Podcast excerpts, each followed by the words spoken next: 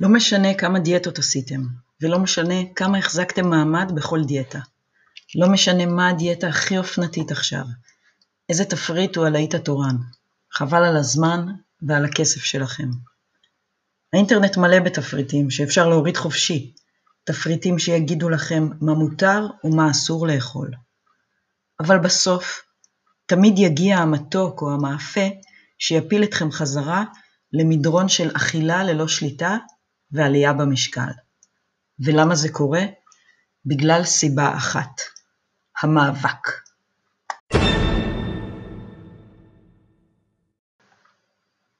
כשאנחנו במאבק תמידי מול האוכל, המתוק, הבצקים, הסוכרים, מתישהו יגיע הרגע שנפסיד במאבק. כי כמה זמן כבר אפשר להתאפק מול כל מה שאסור? כמה זמן אפשר לחיות בתחושה של ויתור על מה שאוהבים? הפתרון הוא אחד, להשתחרר מהמאבק, להיות משוחררים. שתהיה בידכם יכולת הבחירה הטבעית, מה לאכול, כמה לאכול ומתי לעצור.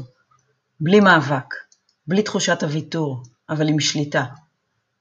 ולא, ממש לא צריך לוותר על מתוקים ומאפים לכל החיים. היי, שמי טל, אני סטודנטית בתוכנית הסבה להוראה של עיריית הרצליה, והיום אני הולכת לדבר איתכם על אורח חיים בריא ועל השחרור מהמאבק במשקל ובדיאטות. אורח חיים בריא אינו מדבר רק על תזונה, אלא על אורח חיים מלא, תנועה, שינה, בריאות נפשית וגם תזונה.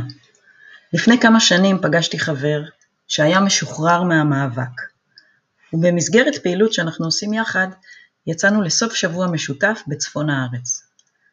שלוש שעות נסיעה, בהן התעניינתי לפרטי פרטים בשחרור שלו מהמאבק, וסיכמנו שבסוף שבוע הזה אנחנו ביחד, אוכלים בדיוק את אותו הדבר. על מנת לעבור את תהליך השחרור, יש להכיר בכמה דברים. אחד, להתפכח מהשעבוד, להתעורר. בואו נדבר על אכילה רגשית. המערכת הפיזיולוגית היא מערכת שלמה, שמתפקדת בעצמאות מלאה. הרעב, הצמא, השובע, הם אינסטינקטים טבעיים מולדים. הגוף יודע לבקש מאיתנו אוכל למטרת אנרגיה. הוא יודע לאותת לנו על עצירה. הוא יודע לאבד את האוכל היטב. הוא אפילו יודע לסמן לנו מה הוא מעדיף, אנרגיה, ומה עדיף שלא, כאב, נפיחות, עצירות, נפילת אנרגיה. כל עוד אנחנו מקשיבים לגוף ומתפקדים כפי שהטבע מכוון אותנו, לפי האינסטינקטים הטבעיים, אנחנו אמורים להרגיש טוב ולהיראות טוב.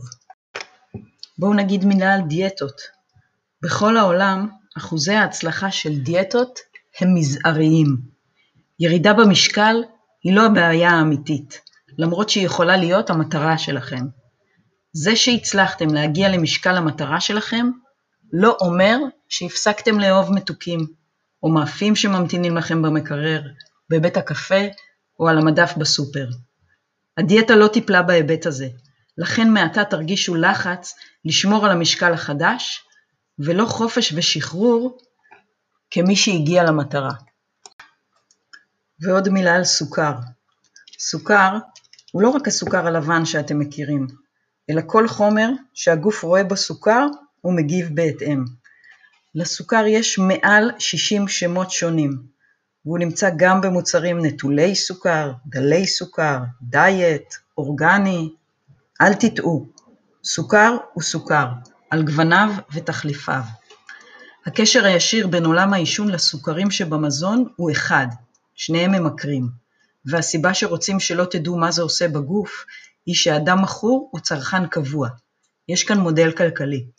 המחקרים מראים שהסוכר הוא רעל של ממש, בדיוק כמו הניקוטין.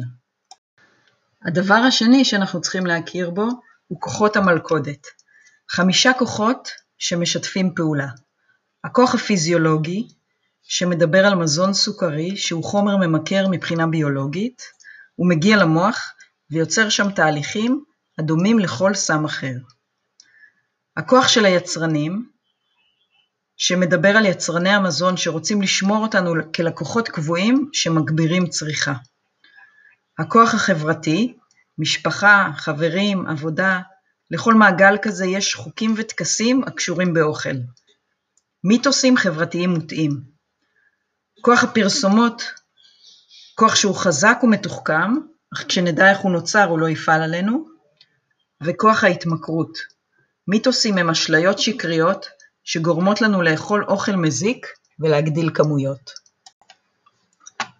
הדבר השלישי שאנחנו צריכים להכיר בו הוא ההצדקות. כשאנשים נתונים במלכודת, כלומר פועלים בניגוד למטרות הירידה במשקל שהם בחרו, הם חייבים לתת הסבר לכך שהם נשארים בה, כלומר, למצוא הצדקות להתנהגות שלהם.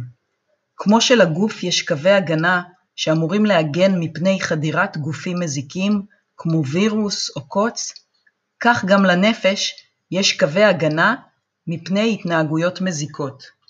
אני לא רוצה להפסיד את טעם החיים, כי בא לי, כי זה מקרה מיוחד וחד פעמי, חתונה, בר מצווה, ארוחת חג, כי זה מעניק לי אנרגיה, אבל זה טעים לי. בואו נעבור לשלב היישום. יש מגוון טכניקות וכלים יישומיים ליצירת שינוי באורח החיים. הם מסתכמים בשליטה ועצמאות. אז קצת על קצה המזלג. להתחיל בתודעה. לפתח רשימת הצדקות נכונה. לחשב מסלול מחדש. פעם הייתי מרגיש תשוקה, ממציא הצדקה ואוכל. והיום אני מכוון למטרות שלי. הצדקה לא לאכול, ואז השתחררות. לישון טוב, לבצע פעילות גופנית באופן קבוע. לדעת שידע הופך לתודעה. להבדיל בין רעב רגשי, בא לי, לבין רעב טבעי, אני רעב. טיפ קטן על לעיסה, העיכול מתחיל בפה, לא בקיבה, לכן יש ללעוס הרבה כדי להתחיל את העיכול משלב הלעיסה. במחקר שנעשה בנושא, אחרי לעיסה מרובה של מזון, נצפתה רמה נמוכה יותר של ההורמון שמעורר רעב, ורמה גבוהה יותר של הורמון השובע. לשתות מים, הרבה הרבה מים. ועוד טיפ אחרון, כשאתם חשים רצון לאכול, תשאלו את עצמכם שאלה, האם הייתי אוכל עכשיו תפוח ירוק? אם התשובה היא לא, אז אתם לא באמת רעבים, אלא מדובר ברעב רגשי. תתעלמו, זה סתם התקפת סוכר ונשנושים. אז לסיכום, אם רק היינו נותנים למערכת לעבוד כפי שהיא מתוכננת, היינו יודעים מתי לאכול וכמה לאכול, וכל השאר, המשקל, הנוחות, ההרגשה הטובה, היה קורה מעצמו, כמו בטבע. אנחנו לא צריכים לחפש דיאטה חדשה, אלא פשוט ללמוד להפסיק להפריע לגוף לפעול בטבעיות. אני מקווה שלמדתם משהו חדש היום, אני הייתי טל, וניפגש בפעם הבאה בעוד פרק על אורח חיים בריא.